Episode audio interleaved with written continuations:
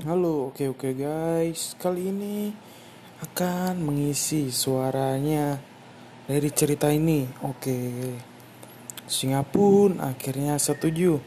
Jadi setiap harinya akan ada satu binatang yang dipilih untuk dikirimkan kepada singa. Pada kebetulan hari pertama pun kelincilah yang terpilih.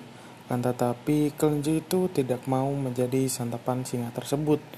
Dengan kecerdasannya, ia berencana untuk membuat singa itu menjadi kelaparan agar bisa dibunuh guys. Sebelum memulai perjalanan menemui singa, kelinci bangun sangat siang.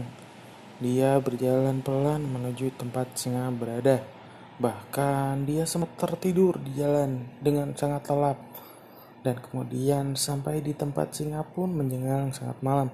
Singa menjadi sangat marah guys dan tidak sabar saat dia seekor kelinci kecil. Dia pun mengaum-ngaum dengan marah guys. Oke, jadi itu guys. Thank you.